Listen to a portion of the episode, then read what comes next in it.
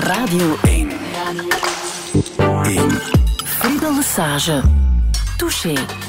En Touché sluit het seizoen af met Karel Antires. Goedemorgen. Goedemorgen. Hoe gaat het met u?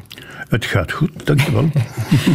Volgende zaterdag opent het eh, Internationaal Cartoonfestival in uh, Knokke-Heist. En daar worden ook de PCB-prijzen uitgereikt. Daar bent u dat klopt, ja. bezieler van. Uh, ja. En dat is een fulltime bezigheid, heb ik begrepen. Hè? Ja, ik, iedere dag, zes dagen per week dus, vlooi ik alle kranten en tijdschriften na. Op zoek naar de beste cartoons. En die zetten wij dan, die, die ik selecteer, zetten wij dan op onze site.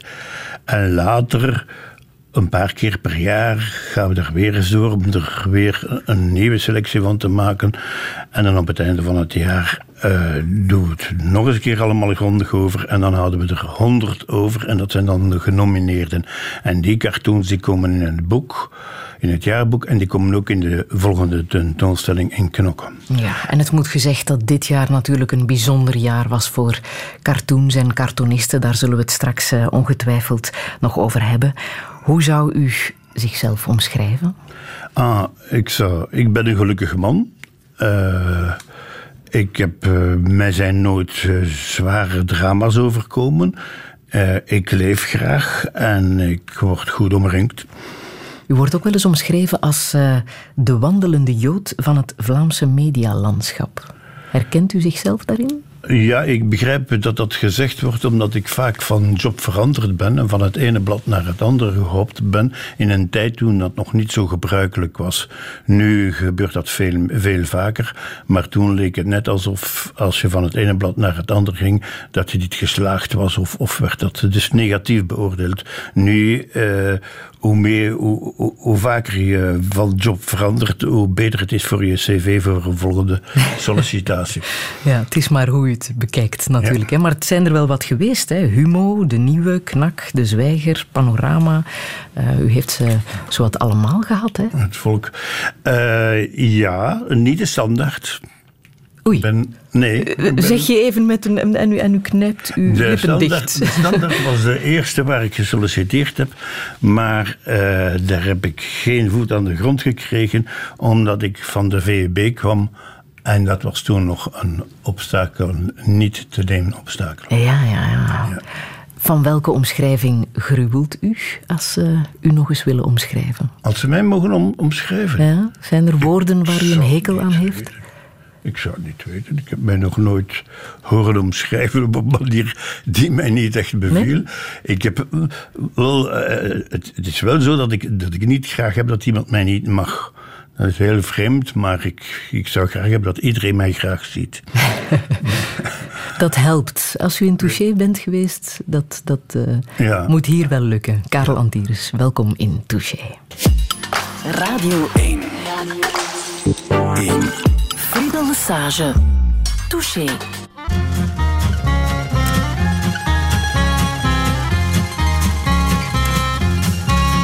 Una mattina mi son svegliato, oh bella ciao, bella ciao, bella ciao.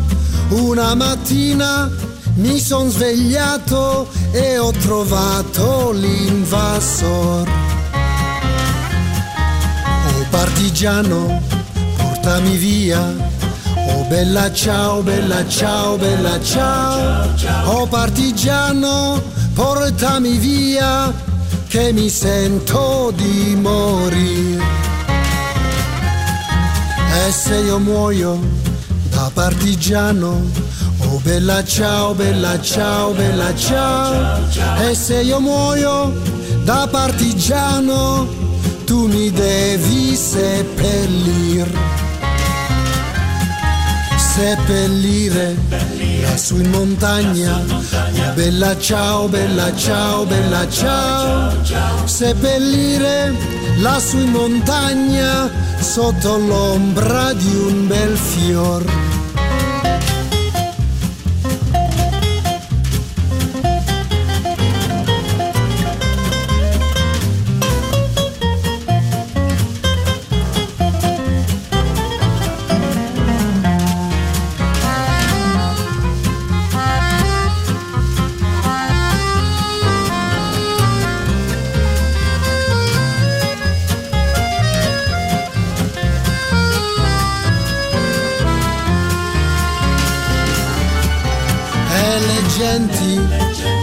Passeranno. Oh bella ciao, bella ciao, bella ciao. E le genti che passeranno mi diranno che bel fior. E questo è il fiore del partigiano. Oh bella ciao, bella ciao, bella ciao. E questo è il fiore del partigiano morto per la libertà. Era verde, bianca e rossa. Oh bella ciao, bella ciao, bella ciao. E sul bianco della bandiera c'era scritto libertà. E sul bianco della bandiera c'era scritto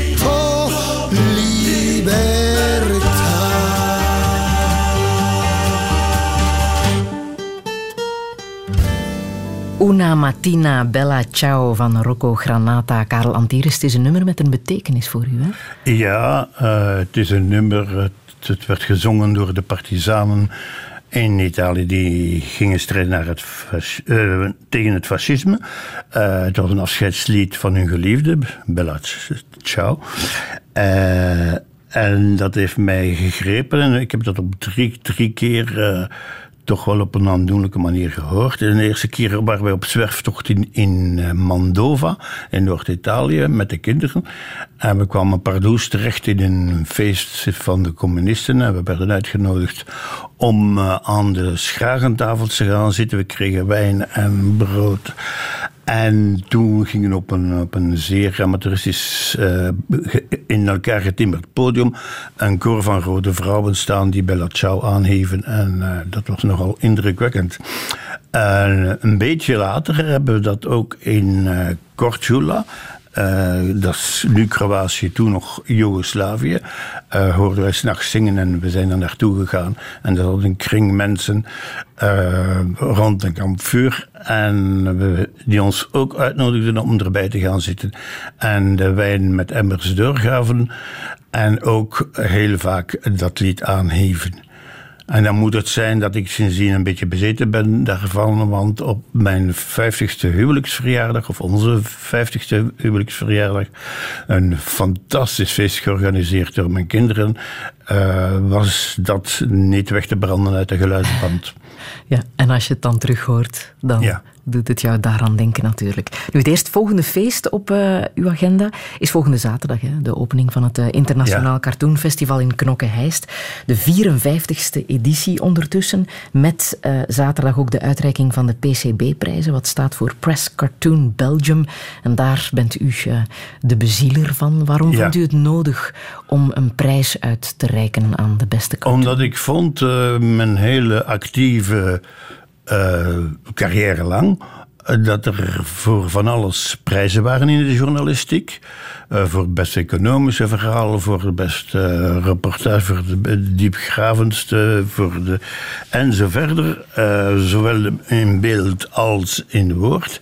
Maar nooit was er de prijs voor cartoons. Terwijl ik vind dat goede cartoons even veel waard zijn als een goed woord vooraf in de krant. Mhm. En, maar zolang ik uh, zelf hoofdredacteur was, kon ik dat moeilijk doen. Want ik was te, te vriend met, met veel cartoonisten. Ik heb er ook veel laten beginnen. Veel zijn bij mij begonnen. En toen ik met uh, pensioen was, had ik eindelijk de handen vrij om uh, dat te gaan doen. Vandaar. Er is niet alleen de Belgische cartoon, maar ook Europees en wereldwijd ja. uh, wilt u de cartoons gaan verzamelen. Ja, we hebben in 1999 uh, zijn we begonnen met de PCB. Uh, tien jaar later hebben we daar de PCE, dus Press Cartoon Europe, aan toegevoegd. En nu zouden we graag nog evolueren naar de PCW, Pers, Pers Cartoon World. Maar ik weet niet of het mogelijk zal zijn, want dat brengt allemaal veel meer werk mee. En wij, aangezien wij werken zonder subsidies en we dus geen geld hebben, moeten we maar eens kijken of dat, nog, of dat er nog allemaal bij kan. Want er zijn veel vrijwilligers die werken voornamelijk aan de, uh, voor de site en voor de selectie van de cartoons. Mm -hmm. 2015, ik zei het zo net, is een uh, hard jaar geworden hè, voor uh, ja. cartoonisten. Toen zijn ze getroffen in het hart met de aanslag ja. op uh, Charlie Hebdo. Het is een, dat is vreselijk, 6 januari. het was voor mij verschrikkelijk, want een aantal van de vermoorde cartoonisten waren vrienden van mij. Vooral Wolinski. Wolinski was trouwens de eerste juryvoorzitter van de PCB in 1999.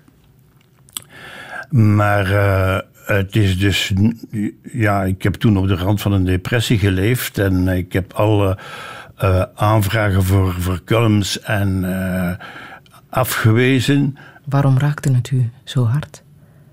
Om, precies omdat het ten eerste omdat het over cartoons gaat en om de vrijheid van het woord, de vrijheid, de persvrijheid, maar ook omdat het dus om vrienden van mij ging. En later is trouwens gebleken dat het nog veel erger is, want door als reactie hebben zoveel mensen, wat natuurlijk wel mooi is, hun steun aan Charlie Hebdo betuigd en zoveel geld gestort, dat nu het probleem is dat ze veel te veel geld hebben en dat ze niet meer weten wat ze gaan doen. En de voorlopige hoofdredacteur Lus heeft al gezegd dat hij er in september mee ophoudt. Dus ze moeten nu een weg zoeken, nieuwe mensen vinden. En dat zal, dat zal wel een tijd duren eer het, uh, eer het weer, uh, ja, uh, eer het blad weer is zoals zij dat graag willen. Mm. Hoe heeft u zelf Charlie Hebdo leren kennen destijds? Och, sinds heel lang. Ik was een van de enige twee postabonnees van Charlie Hebdo. Ja? Uh, er waren meer mensen die Charlie Hebdo lazen, maar dan gingen ze dat bijvoorbeeld bij de krantenboer halen. Maar omdat mijn krantenboer meer dan twee kilometer van mij vandaan woont, had ik een postabonnement. Er moet in België nog iemand geweest zijn, maar ik weet niet wie. Dus ja, dan een beetje mijn lijfblad. En uh, ik weet niet wanneer ik, wanneer ik ermee begonnen ben en wanneer ik ermee kennis gemaakt heb. En uh, sinds, sinds hoe lang ik dat dus wekelijks lees. Mm. Kan u zeggen wat de waarde is van een cartoon? De waarde van een cartoon. De waarde van een cartoon is om het eventueel niet te zeggen of niet te schrijven, toch uit te beelden. Dus je kunt met een cartoon soms veel uh, percutanter zijn en veel directer to the point dan met uh, vele woorden en lange zinnen en. Uh, en, en, en mooie frases. Mm. Heeft de aanslag um, die waarde veranderd? De betekenis van cartoons veranderd? Ik, hoop, ik mag hopen van niet. Nee, nee, helemaal niet. Nee. Uh, in een kleine, misschien een kleine goede kant eraan is dat ik nu toch wel zie dat sommige tekenaars uh, wat meer durven en dat er ook meer tekenaars zich aandienen die ik vroeger niet kende en die toch hun, uh, hun tekeningen voorleggen. Dus het heeft de mensen, denk ik, niet afgeschrikt. Mm. Kort na de aanslag hebben Belgische cartoonisten hun tekeningen omschreven in een spot die nu uh, bekroond is in Cannes met een zilveren leeuw. Een heel pakkende spot die ik even wil laten horen.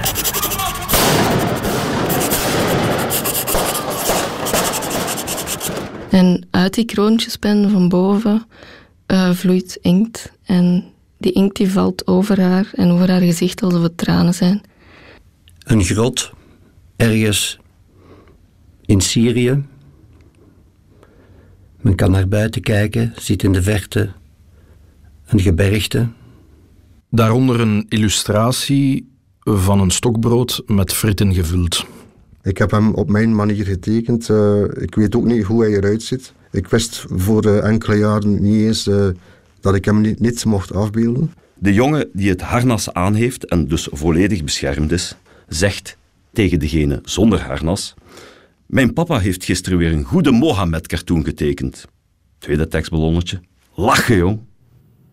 Je hoorde Ila, Kiri, Sepp, ja. Marek en Kim. Een audio-cartoon noemen ze het zelf, met de boodschap: we blijven tekenen. Ja. Dat is de beste boodschap, denk ik, die ze kunnen meegeven. Hè? Inderdaad, ja. Dat is ongeveer wat ik daarnet probeerde te vertellen. Ja, het terrorisme is absoluut niet opgehouden. Afgelopen vrijdag nee, eh, nee, zijn we nee. opnieuw... Het zal eh, ook nooit ophouden, vrees ik. mhm. Wat denkt u bij eh, het nieuws over de aanslag in Tunesië? De aanslag op de gasflessenfabriek in Lyon, de zelfmoordaanslag in Kuwait, allemaal op één dag. Dat het eh, goed georchestreerd is en nog eens gezegd dat het niet zal ophouden en dat het, het fanatisme al maar toeneemt. Eh, niet alleen het moslimfundamentalisme, maar overal. Eh, mensen worden hoe langer hoe fanatieker. in de ene of in de andere zin. Eh, maar ik verwacht dat het we nog, nog vaker met de dergelijke aanslagen zullen worden geconfronteerd. Moeten we ermee leren leven? Ik vrees het, ik vrees het. Ik vrees het. Ik weet niet waar het naartoe gaat. Ik heb eh, in het begin gezegd dat ik een eh, gelukkig mens ben. En ik voel me ook gelukkig en ben nogal optimistisch. En ik heb prachtige kinderen en prachtige kleinkinderen. Maar heel af en toe vraag ik mij toch af in welke wereld de kleinkinderen verder zullen leven.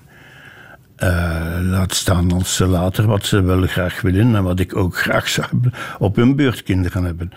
Welke wereld eh, gaan wij ze nalaten? Eh, en dat gaat dan niet alleen over terrorisme, maar ook over ecologie natuurlijk. Maar daar wordt al genoeg over gezeurd, dus laat ik het daar maar niet over hebben. Maar toch, ik weet niet waar het naartoe gaat, en maar ik vrees niet de goede kant op.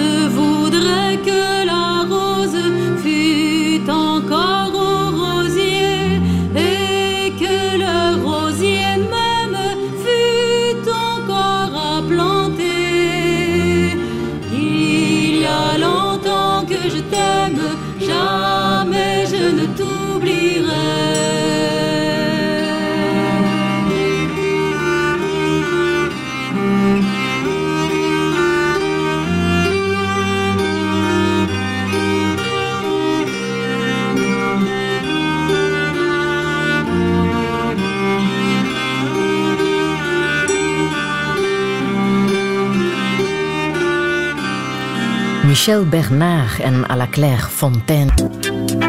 Touché. Karel Antires, u zat heel uh, attent naar uh, à la Clairefontaine te luisteren. Het is een uh, nummer met herinneringen hè, voor u. Ja, ik vind het een, een heel mooi lied natuurlijk, anders had ik het niet opgegeven. Maar het is vreemd in, in onze oerkatholieke flamigantische familie. We waren met twaalf kinderen, by the way. Er werd heel vaak en veel gezongen en alle Vlaamse strijd- en heimatliederen gingen erdoor. Maar eigenaardig genoeg ook, en ik heb daar nog altijd geen verklaring voor, heel veel Frans. Uh, dat bleek bijvoorbeeld toen ik op de, op de NIF kwam. Uh, op de VUB, die toen gelukkig nog niet gescheiden was van de ULB, want anders had ik nooit mijn vrouw ontmoet, die in het Frans-Germaanse studeerde en ik dus in het Nederlands. Maar toen wij ja, op café gingen, à la Jambe de Bois, of, of, of hoe weten ze allemaal, of Chez Papy, bleek dat ik veel meer Franse liedjes kende dan alle Franstalige studenten samen. -huh. En werd er bij jullie thuis alleen maar Frans gezongen? Of ook nee, nee, nee, nee, Vlaamse liedjes, maar het is ook Franse. Aha. En ja, mijn vader en mijn moeder hebben in der tijd in Brugge nog in het Frans gestudeerd. Hebben er zelfs gestraft als ze erop betrapt werden dat ze Nederlands spraken op, op het speelplein. Maar enfin, dan, is dat de verklaring? Ik weet het niet. Ik weet het echt niet. Ah. Hoe zou u uw ouders omschrijven? Wat voor mensen waren zij? Oh, dat is een hele moeilijke. Mijn vader was een, uh, dus een super katholiek, katholieker dan de paus. Uh, heel streng. Uh, ja, en vond alles verkeerd altijd. Schreef voortdurend brieven om te protesteren. Uh, en voor alles en nog wat. Uh, als ik een goed rapport had schreven naar de school, dat dat niet kon zijn dat, dat, dat ik zo'n goed rapport had. En zo verder. Mijn, mijn moeder was een heel lieve vrouw, had natuurlijk ook haar negatieve kanten, maar was, was eigenlijk de slaaf van mijn, van mijn vader. Die zei, stond op om vijf uur en ging nooit voor middernacht naar bed. En dit was in de plas en de keuken en, en kookte voor, dus voor zo'n enorme familie. Uh, en maar ging nooit naar bed voor ze toch een paar bladzijden gelezen had. Meestal in een Frans boek. Mm -hmm. En die woede van uw vader, waar kwam dat vandaan, denkt u? Ik weet het niet, ik weet het niet. Hij dacht dat hij zijn hemel verdiend had omdat hij twaalf kinderen op de wereld gezet had. Dus hij had genoeg gedaan en al de rest, uh, ja, er kon hem niks meer gebeuren. -huh. Maar uh, ja, ik praat er eigenlijk niet graag over. Mm. Mm. Is dat iets dat u ook mee heeft gevormd, denkt u? Alles vormt je natuurlijk. Hè. Het heeft mij gevormd in die zin dat ik wel gedacht heb toen ik zelf trouw, toen ik kinderen kreeg, uh, toen heb ik gedacht, ik doe nooit zoals mijn vader. Mm. En dat heb ik proberen vol te houden. Hoe anders heeft u het dan gedaan? Oh, ze veel meer hun eigen ding laten doen, en veel meer uh, respect uh, ingelabeld voor andere mensen. Uh, zeker ervoor gezorgd dat, voor zover mogelijk, dat ze nooit racistische ideeën konden hebben. Mijn vader noemde de, de Joden, hoe noemde hij ze weer? Maar goed, was bijvoorbeeld tegen de Joden. Smausen noemde hij ze. Uh, van dat soort dingen. En, en ik heb ook geleerd, voor ik nee zei, als mij iets gevraagd werd, dat ik nadacht om waarom, waarom zou ik nu eigenlijk nee zeggen? Dus ja, hmm. dat ongeveer. De uh, typemachine van uw vader heeft ja, altijd? Ja, de typemachine die heb ik nog altijd. Die typemachine waarmee hij brieven schreef naar God en Klein Pierke. Die heb ik nog altijd. Het is een Remington. Uh, ik ken het merk niet meer. Maar die bewaar ik als reliquie, want wij hoorden, we zaten beneden ons werk te doen en boven hoorden wij tik, tik, tik, tik, tik, tik. En zat mijn vader weer te rammen op zijn schrijfmachine. En dan maakte hij de kopie van en dan schreef hij daarop voor echt en geldig verklaard. schreef hij zelf. Uh, en ik heb zo'n zo'n tweede souvenir en dat is dan van mijn schoonvader. Een heel lieve man, een echte Brusselaar, een type Belg. En die was directeur van Bank van Brussel, zoals het toen nog heette. Tenminste van een, ehm, filiaal op de Kunstlaan. En die gebruikten toen nog, in de begin jaren 60, van die houten kisten als telefoon met eh, koperen roepers en zo verder. En toen die eindelijk toen gemoderniseerd werden, hebben Annie en ik zo'n exemplaar gekregen. En die staat dus nu nog altijd bij ons te pronken. Twee voorwerpen die met communicatie te maken hebben. Maar dan Daar heb ik nooit over nagedacht. Eh, het verhaal van die tikmachine. Ja, het is ook niet verwonderlijk dat drie broers Antirus in de journalistiek zijn beland. Hè? Met een vader ja, mijn die vader, zoveel Ik schreef. zeg dat mijn vader altijd eh portretbrieven schreef, maar hij schreef wel goed. Hij schreef zeer goed. En hij schreef gedichten voor uh, welke gelegenheid, een eerste communie, een plechtige communie, een huwelijk en zo verder. En die waren lang niet slecht. Het enige, hij probeerde Guido Gezelle na te doen. Had hij dat een beetje minder gedaan en wat, wat meer zijn eigen talent gevolgd, dan, dan waren dat best hele goede gedichten geweest. Maar hij schreef goed en hij schreef zeer mooi. Hij had een prachtig handschrift. Ja, en wat vond hij ervan dat er drie zonen in de journalistiek gingen? Hij heeft ons eigenlijk weinig, of tenminste mij, wei- weinig gezegd. eh, en bovendien zijn wij, en zeker Johan is als, is maar, laten we zeggen, per ongeluk in de journalistiek beland. Want Johan studeerde in Sint-Lucas en aan de academie in Antwerpen. En wou eigenlijk schilderen. Hij tekende trouwens helemaal niet slecht en sch- schilderen evenmin. Maar later is toch gebleken dat hij op zijn sterkst was als hij kon schrijven.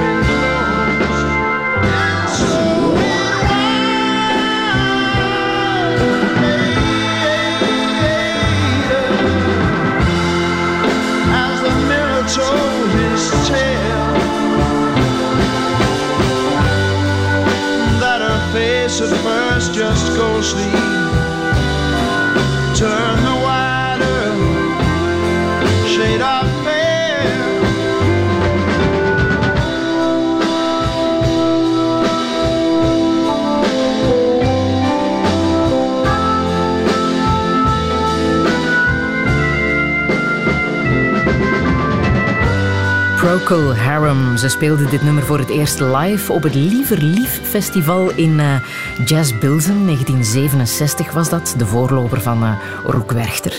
Karel Antieris, u noemt het uw moment de gloire.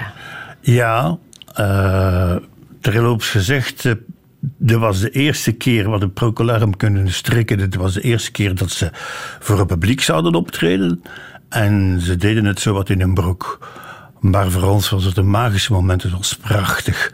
Maar de hele toestand, de hele uh, jazzbeelden die dag was, was, was magisch.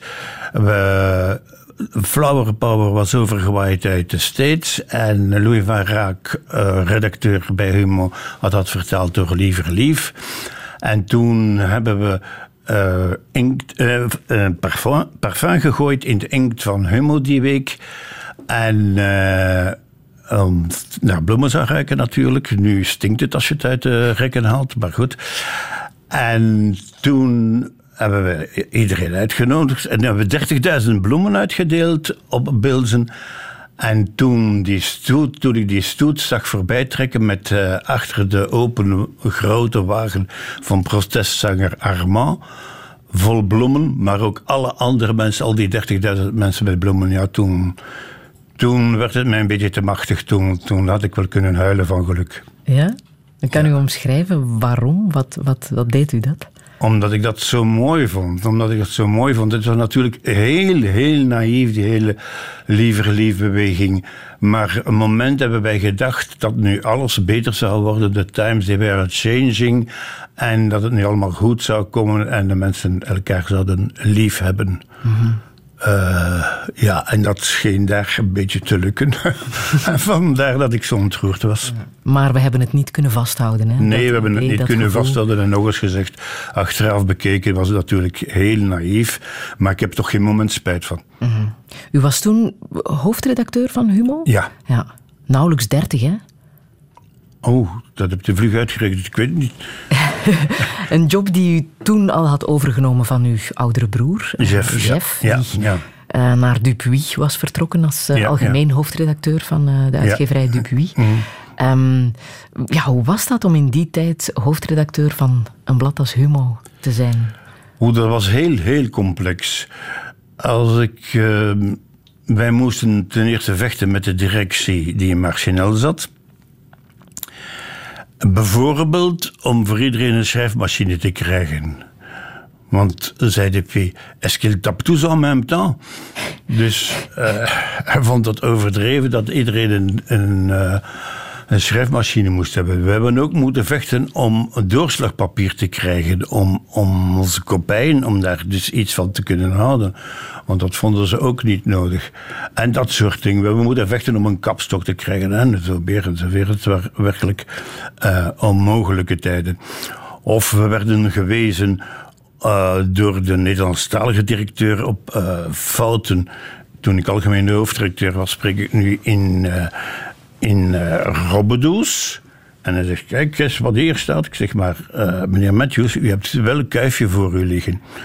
en dat soort uh, absurde dingen. Ja. En dan gingen wij naar Marcinel om te pleiten voor van alles en nog wat. Voor meer faciliteiten en ook meer onafhankelijkheid voor de redactie. En dan, ja, dan kregen we wel wat iedere keer. Maar als we dan terugkwamen op de redactie, dan waren de redacteurs natuurlijk nooit tevreden. Het was nooit genoeg.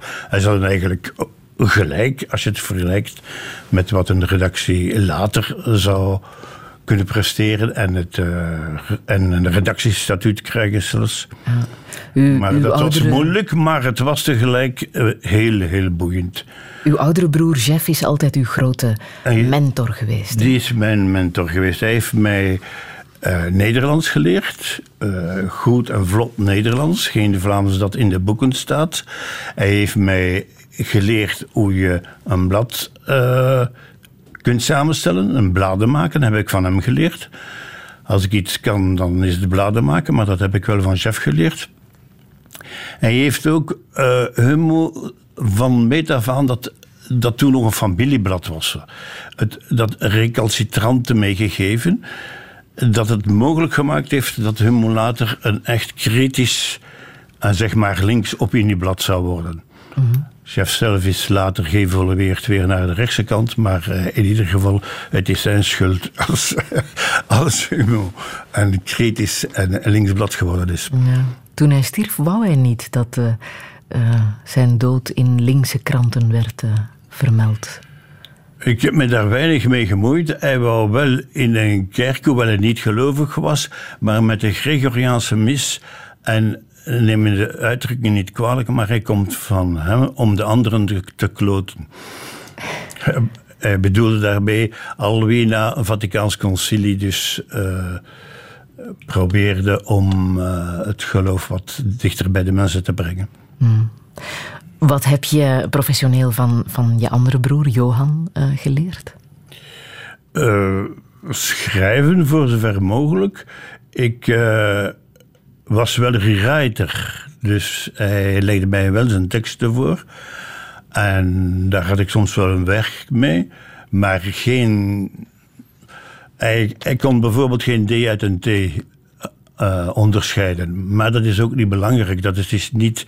Mijn oude broer chef zou gezegd hebben dat is het jasje van de taal niet. Als we nu straks af, allemaal afspreken dat we geen D of geen. dat we altijd T schrijven, dan verandert het Nederlands niet.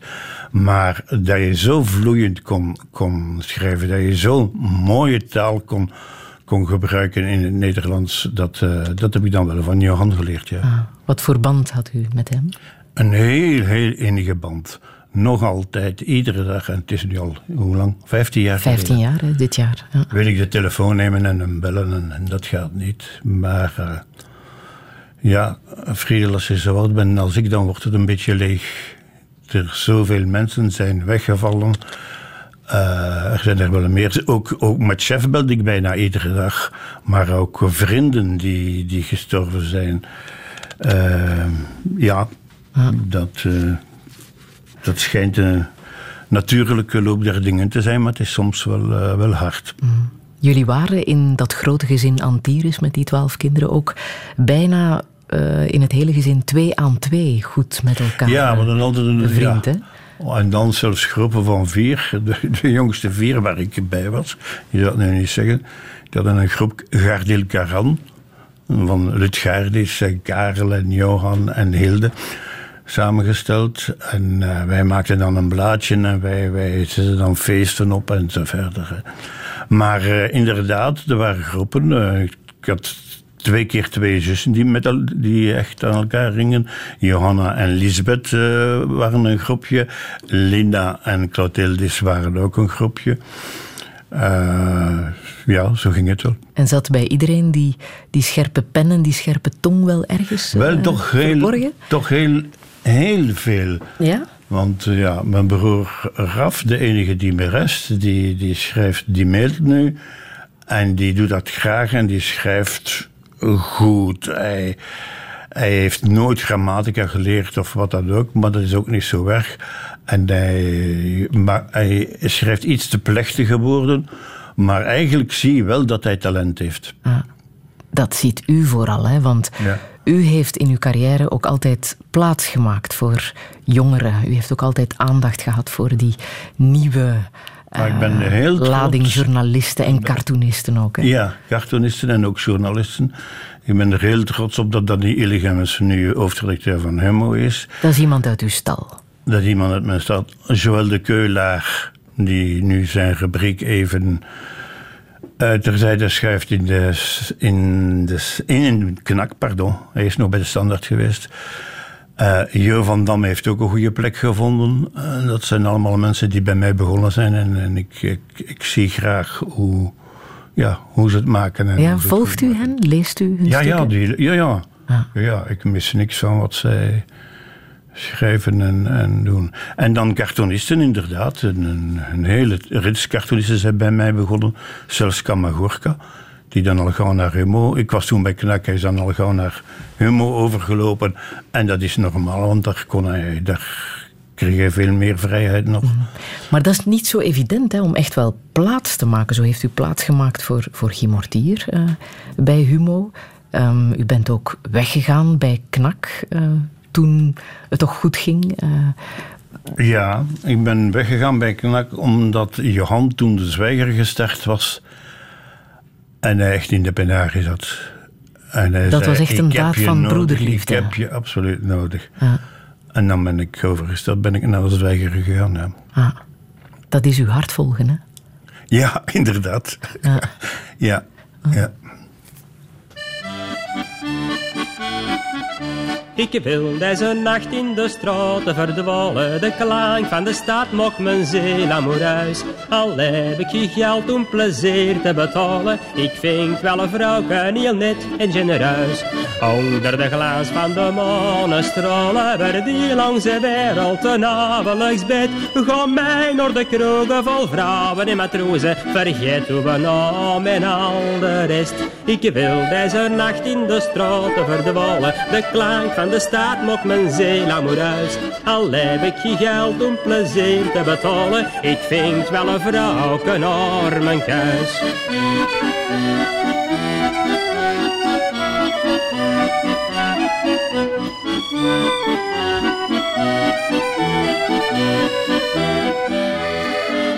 Ik wil deze nacht in de straten verdwalen. De klank van de stad mocht mijn ziel amoureus. Al heb ik geen geld om plezier te betalen. Ik vind wel een vrouw heel net en genereus. Laat ons dan samen de wereld verteren. Met klinkende glazen vol Franse wijn. Zingt mij met de mensen, dat hebben ze geren. En laat deze nacht nooit een einde zijn. Ik wil deze nacht in de straten verdwalen. De klank van de mocht mijn ziel amoureus. Al heb ik geen geld om plezier te betalen. Ik vind wel een vrouw mijn kuis. Ik wil deze nacht in de straten verdwalen. Wannes van de Velde. Karl Antieris, ook al een nummer met een eh, zeer bijzondere betekenis voor u, hè? Ja, ik heb het eh, leren kennen in 1973 eh, in een film, in de film Home Sweet Home. Maar eh, het blijft mij vooral bij als het lied dat gezongen wordt bij iedere wedstrijd van de Bel, BIL, de Belgische Improvisatieliga, waar Franstaligen het dikwijls opnemen tegen Nederlandstaligen. En bij het begin van elke match, zeg maar, eerst eh, ik wil deze nacht in de straten verdwalen, de helft in het Nederlands, de helft in het Frans. En ik vind dat, eh, iedere keer ben ik weer ontroerd. Ik vind dat eh, mooi. Ik vind ten eerste de, de hele organisatie van de de- het initiatief vind ik, vind ik prachtig. Maar ook hoe je ziet dat daar, dat, dat dus mogelijk is. Dat Franstaligen en Vlamingen eh, eh, de- hetzelfde doen. En ik vind het, het is bijna een hymne. Het is, het is, het is mooier dan een, dan een strijdlied of dan een nationaal volkslied, vind ik. Eh, dat is het geworden. Het Dat niet zegt ook veel over. Over uw liefde voor theater. Hè? Het feit dat u eh, de Belgische Improvisatieliga volgt. Ja, En trouwens ook lang voorzitter bent geweest van, eh de Ja. van bestuur van de Beurschouwburg. En net bent uitgezwaaid als beheerder van het eh Kai-theater hier in Brussel. ja. Mijn liefde voor theater is geloof ik geboren in 1973, als ik het jaartal juist heb, bij Mistero Buffo van Dario Fo. Eh, daar ben ik werkelijk, daar was ik helemaal van ondersteboven. Eh, ik, ik, zou, overdreven zeggen, de wereld zou nooit meer dezelfde zijn. Als je dit gezien hebt. Dit was tegelijk satire, burleske, clowneske, maar ook eh, satire, kritiek, maatschappijkritiek, alles ineens. En op zo'n fantastische manier gebracht. Mist u dat nu? Nu, nu krijg je dat nog in het theater, kun je dat nog zien. Nooit meer op die manier, dat kan ook niet. Je moet dat niet proberen twee keer te doen. Maar er gebeuren nu nog wel hele mooie dingen in het theater, ja. En, de, en het theater van nu is toch veel meer doordrongen van zijn rol in de maatschappij dan, dan, dan vroeger. Laten we maar zeggen, toen het repertoire toneel was in, in, in de KVS. En, eh, en voor de zoveelste keer, eh, ja, ik weet niet wat, de, dood van een handelsreiziger werd, werd opgevoerd. eh, of de heksen van Salem. Maar zonder dat daarbij werd nagedacht. Of zonder dat dat werd getransporteerd naar, naar onze tijd. U heeft ontzettend veel voorstellingen gezien, uiteraard. Hè? Maar er is toch Ja. één dat u nog altijd bijblijft. Het moet Ja, dat was ehm Philoctetes, hoe heet het in zijn, in zijn geheel? Philoctetes Variations. Een voorstelling van ondertussen eh, twintig jaar geleden. Ja, eh, met onder meer Ralph Walter, eh, de eh, stichter van de Woestergroep. En die man die stond, die had aids en die stond ongeveer te sterven op toneel. Hij werd ondersteund door Viviane de Munk, ook een uitzonderlijk goede actrice. En ja, we stonden daarop te kijken. En naast mij zat mijn beste vriend. En wat wil het geval? De zoon van die vriend, die was een tijd geleden, een tijdje voordien, ook gestorven aan aids. Dus dat is mij inderdaad bijgebleven. Dat was eh, een, eh, iets totaal anders dan, dan een verhaal te gaan luisteren op toneel of, of, of, of, of, een blijspel of een, of een, of een ja, weet ik veel. Daar, daar maakt hij iets mee. En zo zijn er nog, eh, zoals ik al zei, zijn er nog wel stukken geweest. Onder meer van de Woestergroep, maar ook van vele andere. Wordt u makkelijk ontroerd door kunst? Ik denk het wel, ja. Ja? ja? Ja, ja. Ook in de schilderkunst bijvoorbeeld? Schilderkunst, ja, ja. Maar dat, eh, dat is zeer afhankelijk van wat en hoe. Eh, bijvoorbeeld eh, Rothko eh, ben ik gaan kijken. En dat vind ik dus fantastisch. En dan moet je echt voor zijn doeken staan. Dan raken ze je. Dan, dan, dan wordt er bijna in opgenomen. Dan ben je helemaal vervuld. En toch zijn dat monochrome panelen bijna. Daarentegen, ik ben nu vorige zondag naar Chagall gegaan. En daar vond ik een beetje geconfronteerd met echte werken. Dat de magie die daar werd uitgebeeld, maar dat was verder niks meer. Dus je had het allemaal. Als je reproducties ziet of, of anderszins de beelden bekijkt, dan kun je daar nog, nog wat achter dromen, nog bij dromen. En eh, geconfronteerd met de echte beelden heb je dat minder, vind ik. Nu, ja, eh, zo heel veel was er niet. Eh, ik heb hetzelfde ge- eh, gehad met, ehm, met een tentoonstelling van Ma Magritte. Daar vond ik ook dat het niet, ja, dat het boek beter was. niet dan de film, maar dan de tentoonstelling. Ja, ja. En in de literatuur? In de literatuur eh, ja, heb ik heel vreemde keuzes. Eh, ik heb bijvoorbeeld, ik vind een vergeten schrijver is Jean-Marie Berkmans. Die lees ik graag. Bijvoorbeeld eh, Café de Raaf nog steeds gesloten. Eh, Berkmans was een man die met zichzelf worstelde. Die was altijd drugs, die dronk, die, die, die, die had geen cent. Die moest rondkomen van twee keer niks van wat hij vond, van wat, van wat hij kreeg. Maar die toch, enfin, ik, zeg, ik weet niet waarom ik toch zeg, maar die goed, die heel eh, zinnige dingen schreef. En dat dan ook op een hele mooie manier, in een mooi, mooi Nederlands. Ja, dat zijn mensen die u raken, hè? Mensen Ja, die ja. Ja, hun vlucht zoeken in, in drugs, in ehm, verdovende middelen. Zo is er een ontmoeting met eh, Tina Fransen, Met die Tina Frans, ja. Dat was u ook ontzettend heeft geraakt. Hè? Ja, dat was de hoge priesteres van de LSD. Heeft daar een boek over geschreven, Ontmoetingen met jezelf. En eh, ja, die, die rookt natuurlijk ook een Safi, eh marijuana. En eh, we, hadden, we hebben elkaar veel gezien, ook bij haar thuis. En, maar ze heeft niet geprobeerd mij te bekeren. Ze heeft mij een keer een sigaret aangeboden. En met de, e- als enig resultaat dat ik de slappe lach kreeg. en daarna nooit meer. Maar een bezoek bij haar was wel een, een bevrijdend. eh, een bezoek bij haar, daardoor begreep je dat wat je soms de hele dag bezighoudt, dat dat dikwijls met futiele dingen zijn, die, die er niet toe doen. dat je de, de echte, de waardevolle dingen moet voor ogen houden en al de rest maar, eh, maar moet laten vallen. Na zo'n gesprek met haar kwam ik buiten, dan was ik, was ik net alsof ik een bad genomen had, maar dan eh, in, in mijn geest. Ja, een cinefiel bent u niet echt. Pardon? Cinefiel, dat bent u Nee, cinefiel ben ik niet. Nee. Laten we daar maar over zwijgen. Tenzij misschien die ene uitzondering, ehm, want daar hoort een eh, fantastisch mooi eh, lied bij dat ik wil laten horen. Het Spaanse drama Cria Cuervos, dat heeft u Ja. wel gezien, hè, van Carlos Saura met eh, Ja, ja. Geraldine Chaplin. En daar hield ik ontzettend veel van, van die film. Ja? Ja, waarom?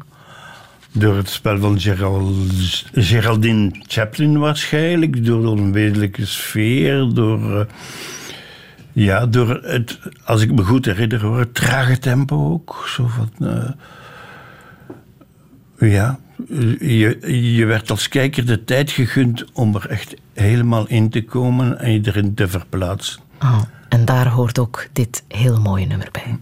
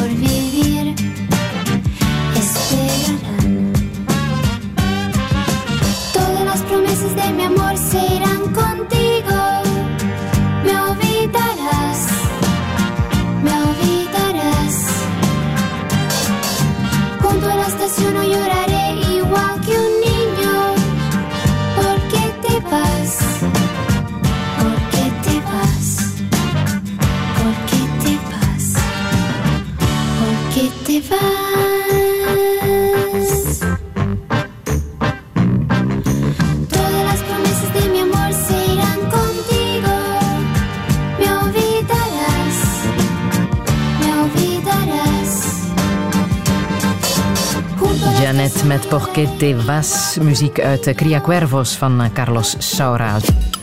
Radio 1. Friedel Lesage. Touché. De laatste touché van het seizoen met Karel Antires, de man die samen met zijn broers Jeff en Johan de pers in dit land mee heeft bepaald.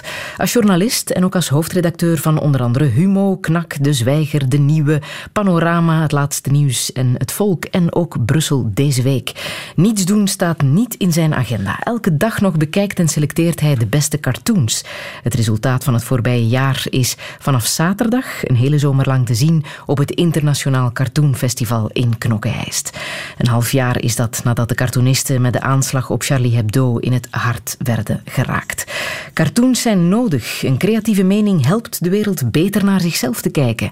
Zelf tekent hij niet, maar aan zijn rode balpen hebben veel journalisten en tekenaars hun carrière te danken.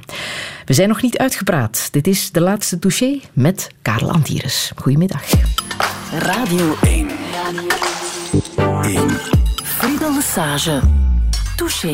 Het Spaanse graan heeft de orkaan doorstaan. Wat was dat? Het Spaanse graan heeft de orkaan doorstaan. Nog eens. Het Spaanse graan heeft de orkaan doorstaan. Verdraait het lukter. Verdraait het lukter. Het Spaanse graan heeft de orkaan doorstaan. Bij George het lukter. Bij George het lukter. Wat heeft het graan doorstaan? Doorgaan, doorgaan. En wat is haast vergaan? Het Spaanse graan. Het Spaanse graan heeft de orkaan doorstaan. Allee! Het Spaanse graan heeft de orkaan doorstaan. In Frankrijk, Friesland en Finland vriest het vreselijk vinnig. Ik zeg hierbij vriendelijk dank. Nog een keer, wat heeft het graan doorstaan? Doorgaan, doorgaan. Prachtig, en wat is haast vergaan? Het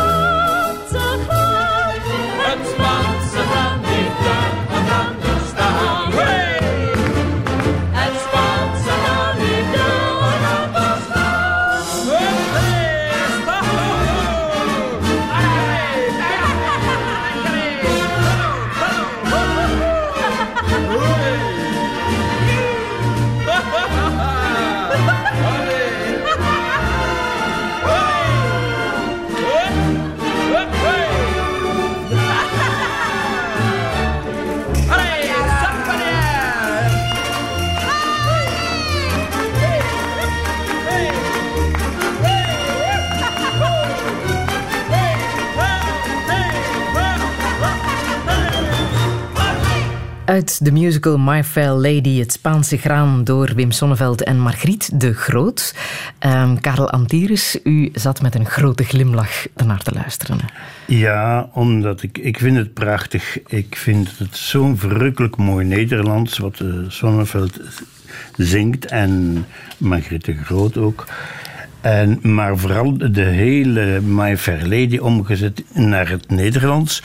Dus in het Nederlands van Seth Gaikema, die in 1914, in 2014 pardon, overleden is heeft bewezen dat het allemaal net zo goed, indien niet beter, in het Nederlands kan. Uh, ik vond de Nederlandse versie van My Lady bijna beter dan de Engelse, die ik in Londen gezien heb trouwens. Maar uh, zoals ik ook vind dat de, manier waarop Zonneveld het dorp brengt. Uh, eigenlijk beter is dan het originele La Montagne van Jean Ferré. Ah. Jean Ferrat, pardon. Ah. Wat vindt u van het uh, huidige taalgebruik bij ons? Ach, breek me de bekken niet op. Ik wou net zeggen, laat u eens goed gaan, meneer Antires. het, het, is, uh, ja, het is verschrikkelijk. Ook nu, nu ook op de openbare omroep, van wie wij allemaal goed Nederlands geleerd hebben, is nu blijkbaar uh, een dijk doorbroken. Iemand heeft blijkbaar verteld of geordoneerd dat nu alles mag. En vandaar dat we nu de vreselijkste dingen horen en dat niemand er zich nog aan stoort of hij uh, goed Nederlands spreekt of niet. Alles, alles mag. Uh, Waaraan denkt u dan? Och, ik denk bijvoorbeeld aan, uh, sorry voor Ben Krabbe, uh, dat ik hem als voorbeeld neem, maar in het begin van zijn blokken heeft hij mij gevraagd het hem te signaleren als hij fouten maakte tegen het Nederlands. Als ik dat nu nog zou doen, dan kan ik aan de gang blijven, want hij doet niets anders meer. Hoe goed is de taal van uw kleinkinderen? Die is beter en ik moet uitkijken wat ik zeg, want iedere keer als ik een van de drie A's uitspreek, dus Amai, Allee en Awel, betekent dat een, uh, een euro voor de spaarpot van uh, Tanno, een van mijn kleinzonen. maar u las in uw uh, jonge jaren natuurlijk uh, Reven en Boon en Hermans en Elschot. Ja. De kinderen van nu lezen sms'jes. Ik weet niet wat de anderen lezen. Ik weet wel dat mijn, uh, ook mijn kleinkinderen bijvoorbeeld de, ook dergelijke boeken, ook Hermans eh, lezen. En eh, dat ze in de ban van de ring verslonden hebben. U ook trouwens, hè? Ik ook, ik ook, ja. Ja, ik was helemaal, helemaal weg. En kort nadat ik het gelezen had... Ik heb het vrij vlug ontdekt in een boekhandel die nu neer be- bestaat op de Jacques Meilaan. Een boekhandel Goedroen. Zag ik eerst De Hobbit liggen. En daarna het vervolg dus in de Bang van de Ring. En vrij vlug daarna zijn wij op reis gegaan naar eh, het toenmalige Joegoslavië. In een, in een scenery, een landschap dat ontzettend deed denken aan eh, de Ring. En op datzelfde moment was mijn zoon Mark het boek aan het lezen. Hij was toen twaalf, denk ik. En alles droeg ertoe bij om er helemaal in op te gaan en om mij de indruk te geven dat we echt daarin verplaatst waren. Maar ligt het daaraan aan eh, ja, het feit dat eh, de jeugd nu op een andere manier communiceert, dat de taal verloedert? Door eh, het Facebook-gebruik, eh, sms-taal. Daar kan ik geen zinnig woord over zeggen, want ik kan niet Facebooken. Een van mijn kleindochters heeft mij er even op gezet en ik heb er na een half uur, later weer laten uitgooien. Ik kon er niet tegen. Het feit alleen al van die, die I like it en die andere flauwekul allemaal. Ik, ik moet het niet hebben. Twitter doe ik ook niet. Ik zou niet weten hoe het moet. Ik vind dat ik met eh, mailen en met de telefoon genoeg contact heb en genoeg kan com- communiceren. Maar of dat nu slecht is voor de jeugd, daar kan ik niet over oordelen. Misschien verandert de taal wel. eh, ja, wie zal het zeggen? Begin mei eh, stierf Jeff Gerards, een van onze Ja. grote schrijvers. Ehm, hoe kijkt u terug op, op hem en op zijn werk? Wel, op zijn werk kijk ik nog altijd met veel bewondering terug. Vooral zijn eerste, zijn gangrenenreeks. Zijn thrillers heb ik niet gelezen. Maar eh, die gangrenenreeks vond ik eh, werkelijk eh, totaal nieuw in de Nederlandse letteren. Maar wat mij gestoord heeft bij zijn eh heengaan, is hoe kritiekloos iedereen het erover had dat eh, Jeff Gerard er zich op beroemde dat hij bedreigde diersoorten neerschoot. En hij zet er graag bij vanuit de heup. Eh, dat hij de negers, noemde hij ze, eh lui vond. En zo meer. En dat hij ook over de voor vrouwen dat hij geen goed woord over van zijn eerste vrouw heeft hij de meest afschuwelijke dingen verteld. Dus ik begrijp niet waarom, zelfs als het over iemand gaat die zo goed schrijft, die een van onze grootste auteurs is, waarom we van hem goed moeten vinden wat we van alle anderen niet pikken. Machocisme, seksisme, eh, racisme. eh, dat heeft mij wel ontzettend gestoord, ja. U heeft nog altijd een zeer kritische geest. Hè? Ja. Heeft u daarnet naar het, het, het nieuws eh, Ja. geluisterd? Vond u het vari- gevarieerd genoeg? Oh, het- daar ben ik niet bij stilgestaan. Eh, was dat niet van één uur of van twaalf? Twaalf uur, Van twaalf uur. Ja, dat ging over dat auto-ongeval en ook over Griekenland, toch? Eh, dus met weerzin stemmend uh, Marianne Thijs eh, geciteerd. eh, ook zij moet er vijf eh, duiten in het zakje doen. Eh, ik vind dat wij die Grieken aan het, aan het eh, wurgen zijn, dat het niet mooi meer is, maar dat is wat anders. Maar als Griekenland niet was, dan zouden wij eigenlijk nooit buitenlands nieuws krijgen op de VRT. Eh, en zeker niet op de radio en, ook, en nog minder op, laten we zeggen, niet de gebruikelijke eh, uren, één uur en, en zes uur en zo, maar twee uur, drie uur, vier uur. Dan duurt het nieuws soms twee minuten lang. En dan zeggen mijn vrouw en ik tegen elkaar: Kijk, er is op de hele wereld weer helemaal niks gebeurd. Een paar weken geleden zat eh, dit in het nieuws. Nieuws dat eh, u ook enorm heeft geraakt. Dat nieuws is ingeslagen als een bom, toch wel. Uh, we hadden heel vaag horen waaien dat er misschien ook wel ontslagen zouden vallen met de fusie uh, als Vlaams-Brusselse media. Maar dat de zender zou worden opgedoekt, dat kwam echt aan als een uh, totale verrassing, eerlijk gezegd. Want ik was vanmorgen zelfs nog op stap voor even in Brussel, uh, nog ergens naartoe geweest. Ik had al collega's gehoord die zeiden van het is hier een heksenketel, er gaat iets worden aangekondigd. En dan zijn we bijeengeroepen en dan is het ons botweg verteld dat FM Brussel stopt. Radio 1. 1. Touché.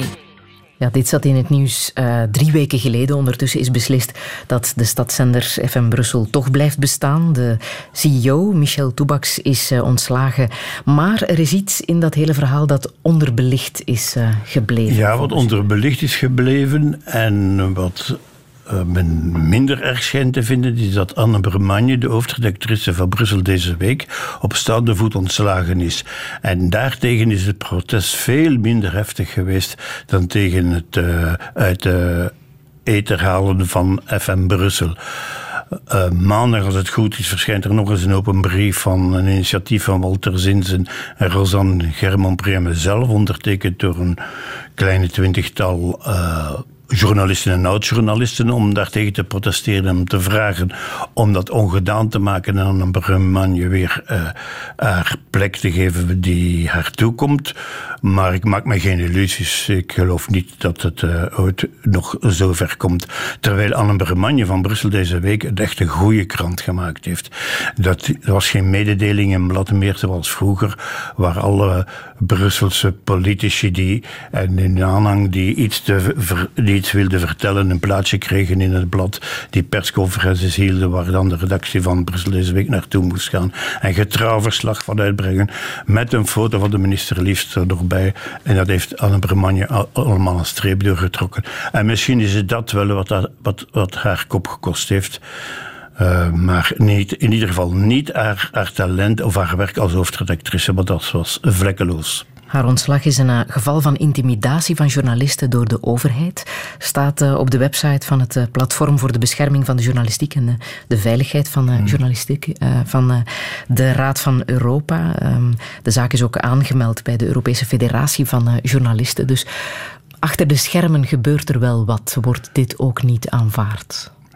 Ja, achter de schermen gebeurt er wel wat, maar toch. Uh, toch vind ik dat, dat ook de, de protestgroep, zo'n. Uh, die meteen uh, er tegenin zijn gegaan, tegen die beslissingen over de, Brussels, de Vlaams-Brusselse, wat er met de Vlaams-Brusselse media moest gebeuren, het vooral hadden over FM Brussel en toen besloten werd of FM Brussel toch nog in de lucht te houden, een gejuich hebben aangeheven en ja, blijkbaar schijnen ver, vergeten te zijn dat Anne Bermagne ondertussen nog altijd thuis zit en uh, van haar stoel is weggejaagd. Hebt u contact met haar?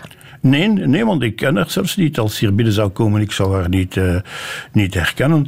Maar uh, ik, ik volgde haar werk wel en ik vind dat zij het schitterend deed. Mm. En u weet wat het is hè, om hoofdredacteur te zijn ja, en ja. dat dat niet makkelijk is. En, en, zeker niet in Brussel en zeker niet in Brussel waar zoveel mensen in, in, denken dat ze in de melk te brokkelen hebben. Dat is uh, nog erger dan, uh, dan ergens anders, vrees ik. quererte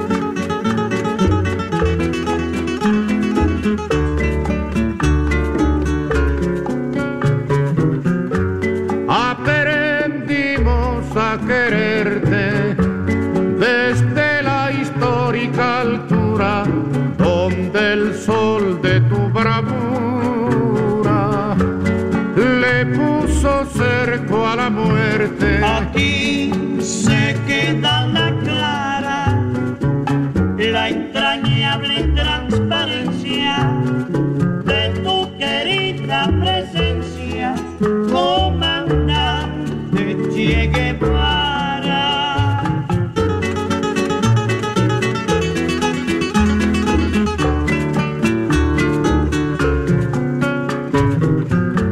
Tu mano gloriosa y fuerte sobre la historia dispara cuando todo Santa Clara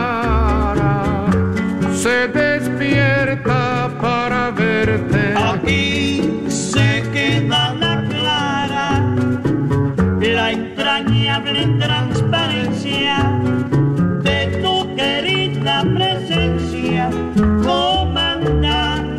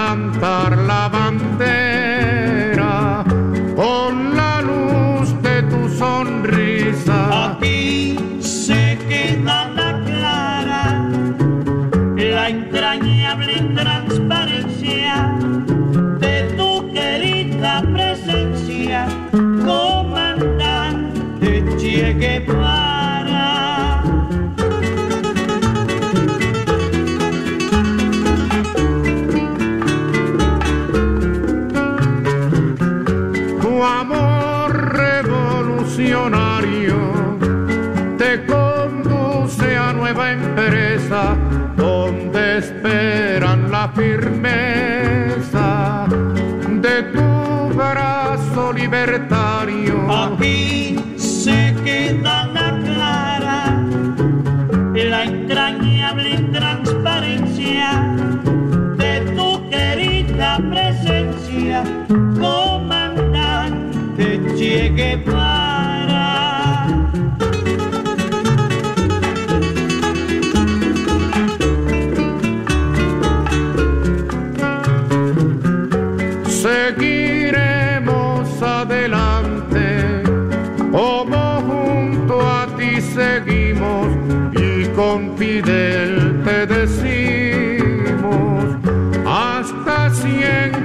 Siempre comandante.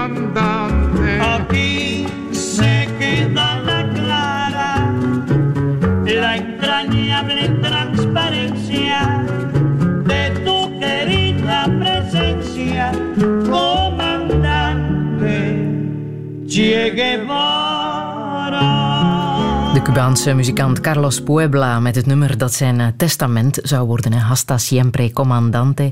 Gecomponeerd in 1965. Een nummer dat nog altijd de soundtrack van Cuba is. Karel Antires. En dat u daar ook heeft gehoord natuurlijk. Hè. Ja, ik denk dat het een vijftiental jaar geleden moet zijn geweest dat we in Cuba waren. En overal, overal kon je het lied horen. Het eh, fantastische in Cuba is dat in, je kunt geen restaurant binnenkomen, geen café, of daar komt een groepje mensen zingen. En altijd even goed. Eh, Dus niet zoals hier. Eh, dat zijn echte muzikanten allemaal. U bent En- een beetje jaloers, lijkt het. Ja, ja, ik was daar jaloers op. Ja? dat zou u ook willen kunnen. Ja, er is zoveel dat ik niet kan. En onder meer muziek maken, eh, dat, dat, dat, eh, dat is een van de weinige dingen waar ik zo'n spijt van heb. Eh, eh, dat ik geen muziek en ik vind dat dat eh, ook onbegrijpelijk dat dat niet opgenomen wordt, in, in, eh, in het programma van het schoolonderwijs. Zou, iedereen zou muziek moeten leren. Maar reizen, maar reizen, daar hadden we het over. Reizen, u heeft ontzettend veel eh, gereisd, hè? Ja, ja, ja. kan u zeggen ja. waar u echt uw, uw, uw hart bent verloren? Mijn hart ben ik ver- verloren in Ladakh, in eh, de hoofdstad Leh, of de hoofdstad. Het is maar een klein, klein vlekje. Maar eh, dat is. Ja, ik heb er nog altijd heimwee naar, hoewel ik daar voor de eerste keer hoogtevrees. ge- hoe zeg je het? Eh, Ja, eh, hoogtevrees of zo. Nee, hoogteziekte. vrees. de- Eh, hoogteziekte, ja. hoogteziekte Ja. gekregen heb. Eh, en daar hielp niks tegen. En de dokter kon op den duur alleen maar zeggen dat ik terug naar Delhi moest. Eh, en toen wij naar Delhi wilden teruggaan, toen werden wij gevolgd door iemand die kwam zeggen dat er gebeld was dat My King was dead. Dat was toen koning Boudewijn overleden was.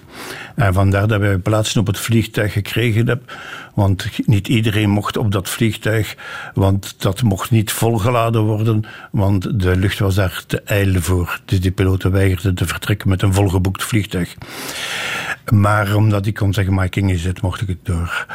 Maar eh, dat is het al. Ja. Ja, ja. U heeft hem ook ooit eens ontmoet, hè? Ik heb eh, koning Boudewijn ontmoet, ja. ja. Ik heb, eens- ben dus op audiëntie bij hem geweest. En eh, dat was eigenlijk zeer grappig.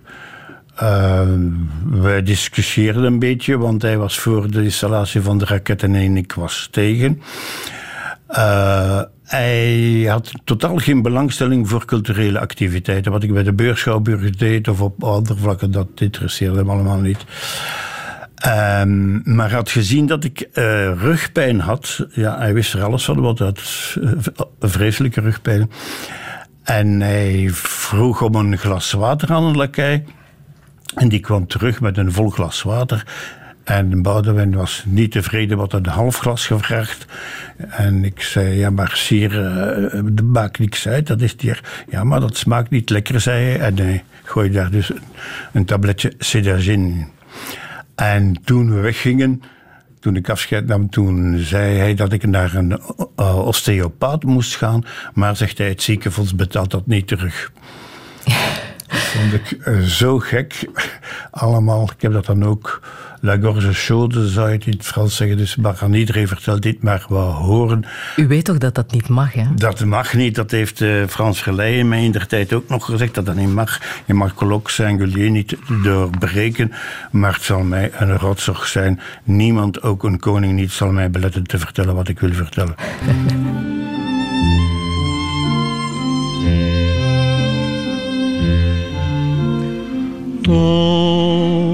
que nous écrirons nos noms sur les arbres malades de l'automne,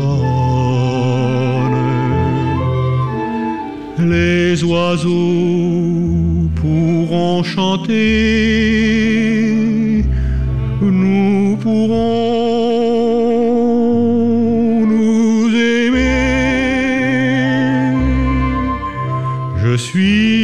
celui que tu attends, je suis celui qui t'aime tant depuis longtemps, oh si longtemps. S'il t'arrivait de m'oublier, sache que moi je n'oublierai jamais.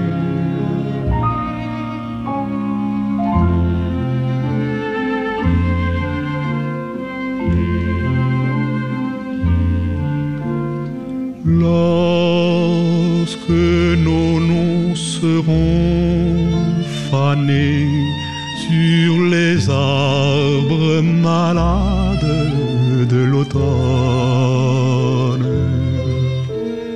les oiseaux pourront partir, nous pourrons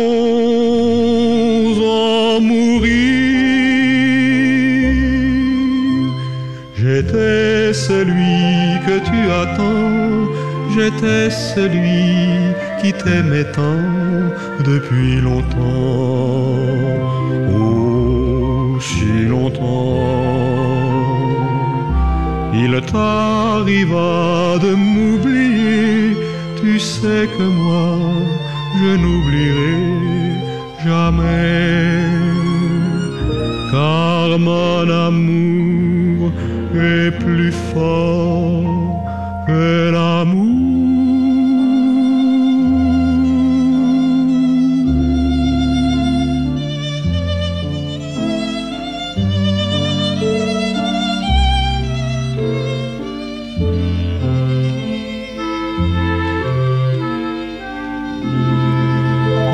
amour van Leo Ferré, Karel Antires.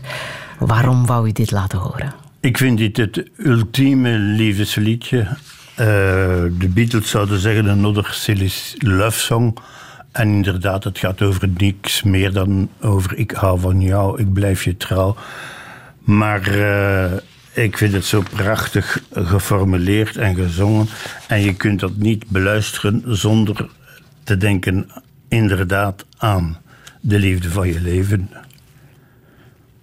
Voor mij, Annie. Ja, al 55 jaar ondertussen? Ja. Ah, en dat was afgelopen donderdag, Afgelopen 25 donderdag zijn juni. wij naar het restaurant gegaan om onze 55ste huwelijksverjaardag te vieren. Ja, zij emotioneert jou. Ja. Nu. Ja. Kan u omschrijven waarom zij het is geworden? Oh, ik denk dat niet dat ik haar, maar zij mij gekozen heeft. Ja? We zaten bij Chez Papi, dat is dat, die studentenkroeg.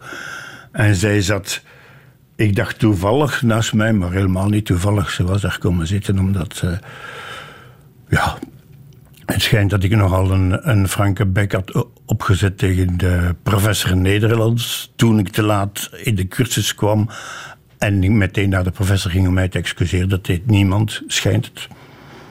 Enfin, in ieder geval, zij had mij eerder opgemerkt dan ik haar.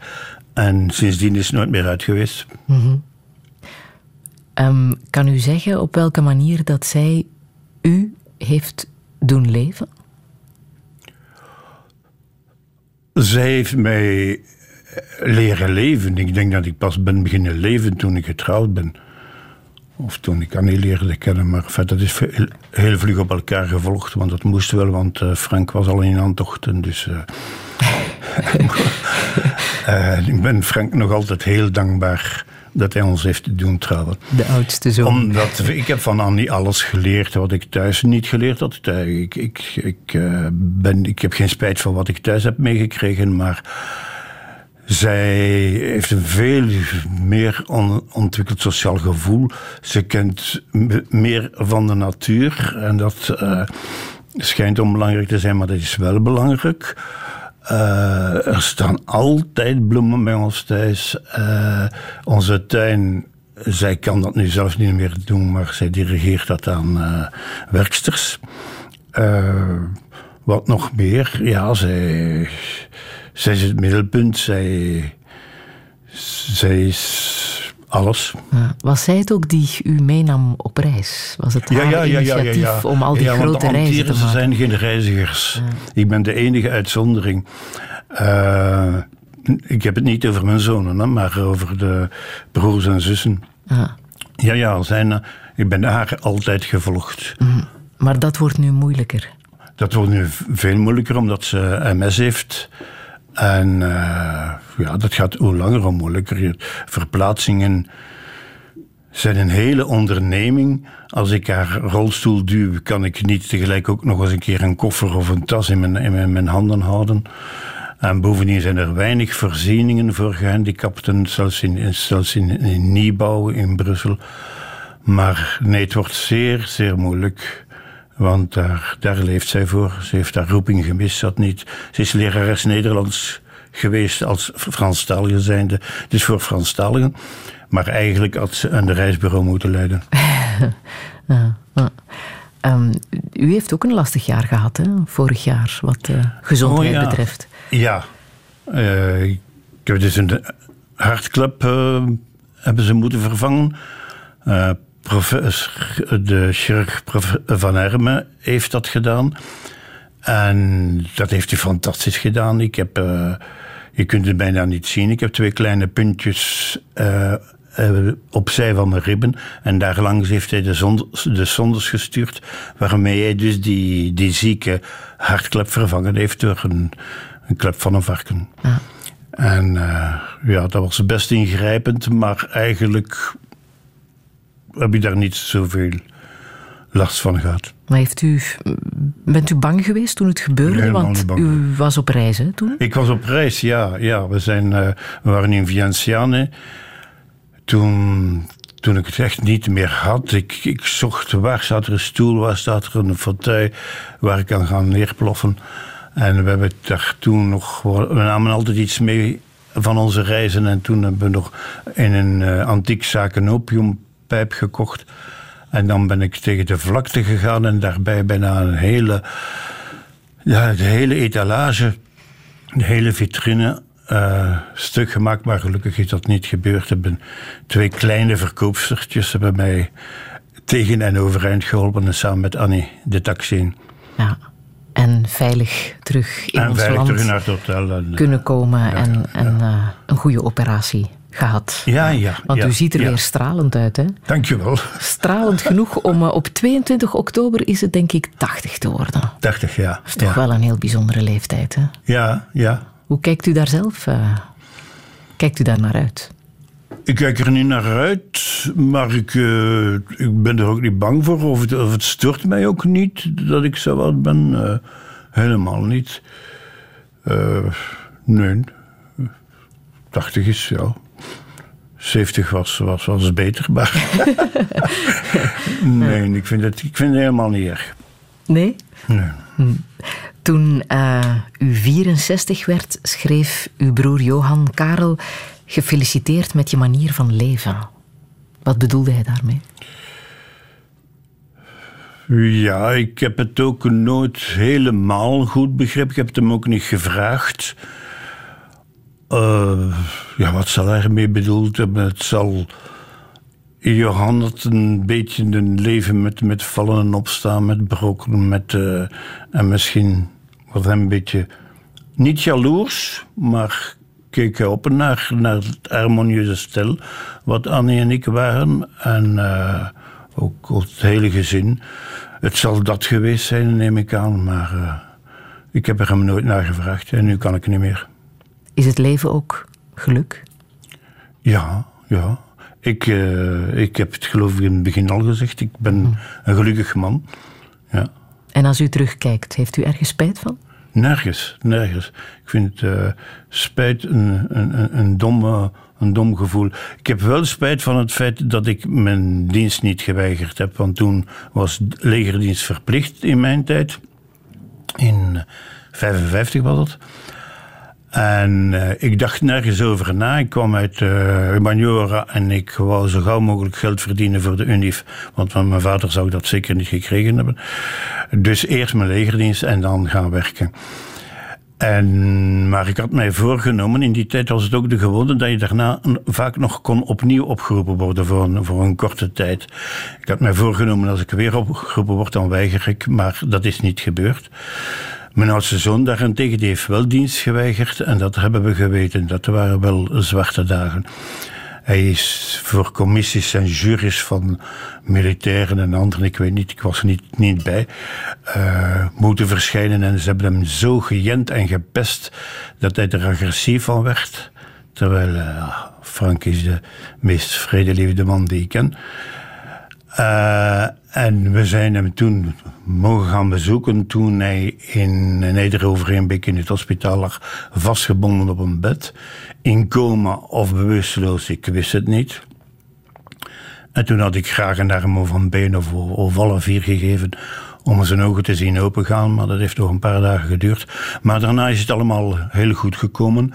En door tussenkomst van mensen, wier naam ik niet ga noemen, uh, heeft hij toen iets heel vreemds, uh, legerdienst zonder wapendracht mogen doen. Maar ook dat heeft niet lang geduurd, hij is al heel gauw, uh, zeg maar, vrijgelaten. Mm, en dat is waar u spijt van heeft op een leven het, het spijt dat ik niet geweigerd heb, ja. ja. Dat is, uh... ja. Uh -uh. Bent u bezig met de dood? Nee, nee, nee, nee. Ik ben niet bezig met de dood. Ik denk er elke dag aan, maar ik ben er niet bang voor. Hoe zou u het liefst willen, als u kon kiezen? Wel, uh, ik zou het liefst willen uh, inslapen. Uh, wel of niet met euthanasie, dat hangt ervan af of, ik, of mijn geheugen er nog meer zou op achteruit gaan. Dat het niet meer leefbaar is. Maar ik zou het liefst hebben dat, dat, dat Annie erbij zou zijn. En dan zou ik in alle vrede inslapen. Mm -hmm. Euthanasie, daar heeft u ja, ja, daar mee hebben we moeten over papieren nadenken. voor, voor alle nodige papieren mm. voor in. Zij zowel als ik. Mm. Ja, ja. ja, maar daar heeft u mee moeten over nadenken toen het over uw broers ging, hè? over Johan ja. en, en ja. Jeff. Ja. Johan die wou dat ook, maar dit is niet nodig geweest. Mhm. Die is dus uh, echt inderdaad ingeslapen, zonder dat het uh, nodig is geweest om een arts erbij te halen om hem te euthanaseren. Mm -hmm. Hij is gestorven uh, en u had er twee woorden voor. Mm -hmm. Dankbaar en moedig. Ja, ja, ja, ja. Zijn laatste woorden waren: Ik ben zo gelukkig. Dat is inderdaad dankbaar en moedig hè, ja. om dat te zeggen. Ja. ja. Ja, het was fantastisch. Het was een voorbeeld. Uh, zo goed en sereen als hij zijn laatste dagen heeft uh, doorgebracht. Ja. ja. dat zijn gedachten om vast te houden. Hè? Ja. Mm. Ich war jung, Gottes 16 Jahre. Du kamest vom Burma herauf. Du sagtest, ich solle mit dir gehen. Du kämest für alles auf.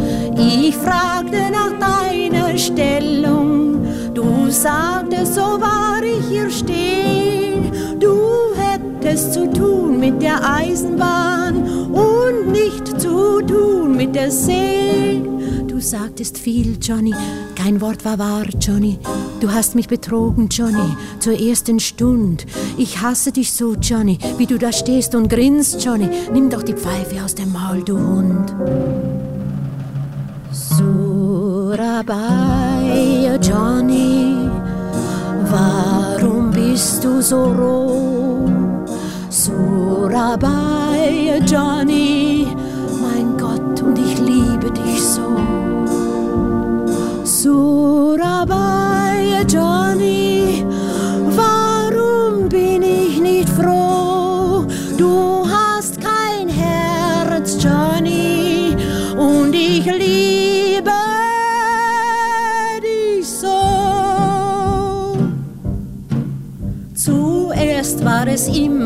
Sonntag, das war bis ich mitging mit dir.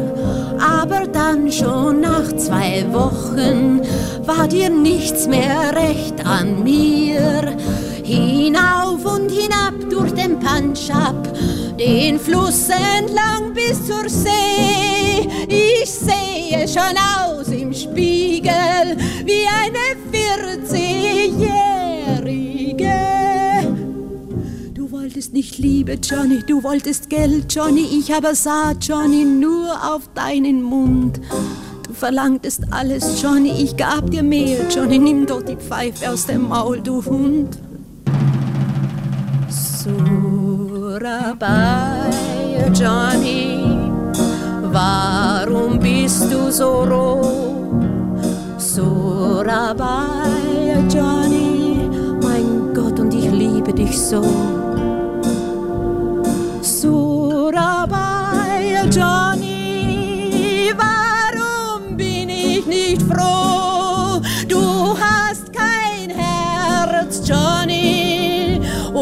Ich liebe dich so. Ich habe es nicht beachtet, warum du den Namen hast. Doch an der ganzen langen Küste warst du ein bekannter Gast. Eines Morgens in einem Sixpence-Bett werd ich donnern hören die See und du gehst ohne etwas zu sagen und dein Schiff liegt unten am Quai. Du hast kein Herz, Johnny. Du bist ein Schuft, Johnny. Du gehst jetzt weg, Johnny. Sag mir den Grund. Ich liebe dich doch, Johnny, wie am ersten Tag, Johnny. Nimm doch die Pfeife aus dem Maul, du Hund. Surabaya, Johnny, warum bist du so roh?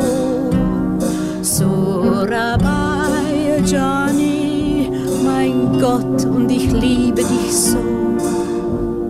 Surabaya,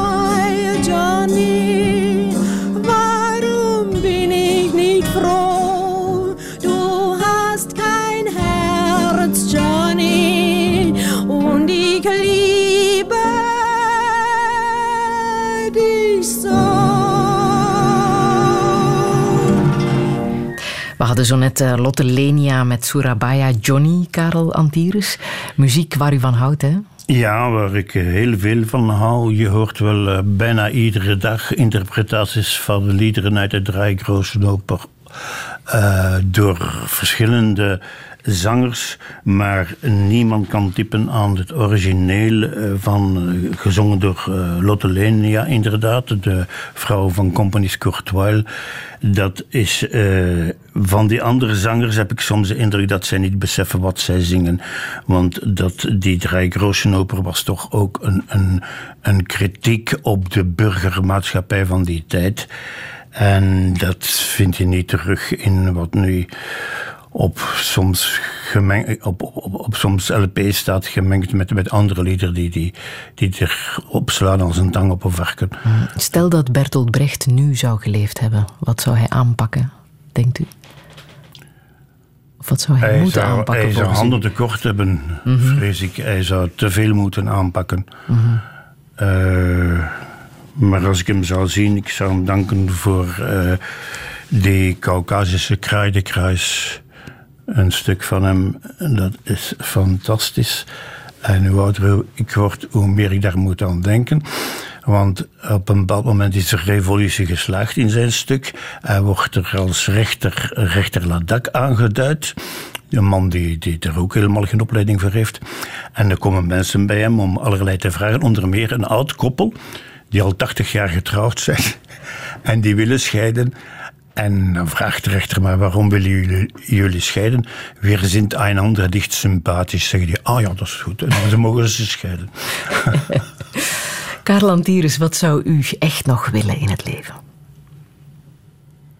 Ik denk dat ik alles gekregen heb wat ik, eh, wat ik wou hebben. Ik heb eh, al gezegd dat ik heel graag achterkleinkinderen zou hebben. Maar eh, dat ik tegelijk dus een beetje bang ben eh, voor de wereld waarin zij terechtkomen. Maar dat is het enige waar ik nog zou kunnen naar verlangen. Welke boodschap wilt u hier nog meegeven? Geen, ik heb geen boodschap. Nee? Nee. Geloof ik niet. Nee, helemaal.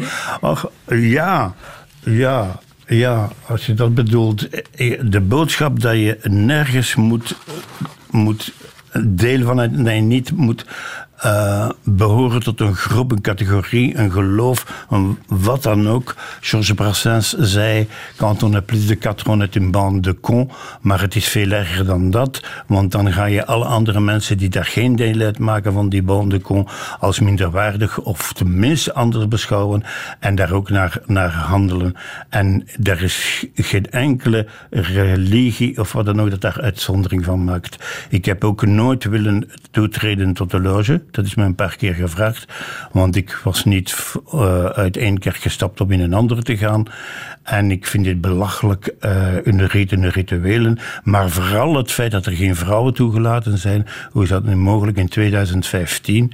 Dan was de kerk al. Uh, moeten we de kerk eigenlijk als voorbeeld van emancipatie noemen. Want toen ik klein was, toen zaten mannen en vrouwen weliswaar apart in de kerk. Maar de vrouwen waren er toch. Wat ze dus in de loge niet mogen doen. Mm. Bent u echt nooit lid geweest van welke nee, groepering van, dan van ooit? welke club of nooit, nooit, nooit. En dat is, ik, ik zeg altijd, ik heb geen principes, maar eigenlijk wel, want dat is een, een heilig principe. Ik wil nergens. Ik wil nooit dat iemand in mijn naam kan spreken. Als iemand zegt heel Vlaanderen, hè, als Geert Bourgeois mm -hmm. zegt heel Vlaanderen, dan denk ik, ja, je hebt mij niks gevraagd. Nee, ik wil nergens lid van zijn. Mm. Nergens. Karel ik wil voor u nog heel graag uh, Bis du bei mir, de Bach-kantate, ja. laten horen. In een uitvoering van uh, Kirite Kanawa. Waarom precies? Waarom uh, wilt u dit horen? Omdat ik dat een van zijn mooiste kantates vind. En omdat het precies vertolkt wat ik daarnet geloof ik al verteld heb. Dat de dood mij niet afschrikt, dat ik daar niet bang voor ben. Maar dat ik hoop dat het dat harmonieus kan gebeuren. En als, als ik daarbij de hand van Annie kan vasthouden, dan, uh, ja, dan ga ik maar dood.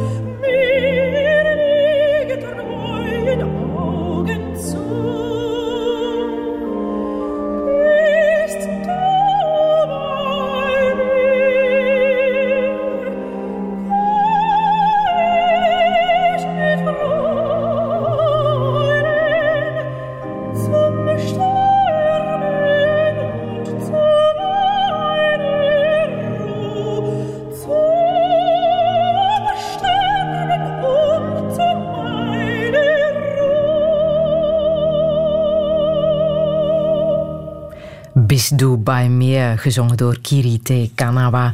Karel Antiers, ik wil u ontzettend bedanken voor dit uh, fijne gesprek. Touché. Radio 1.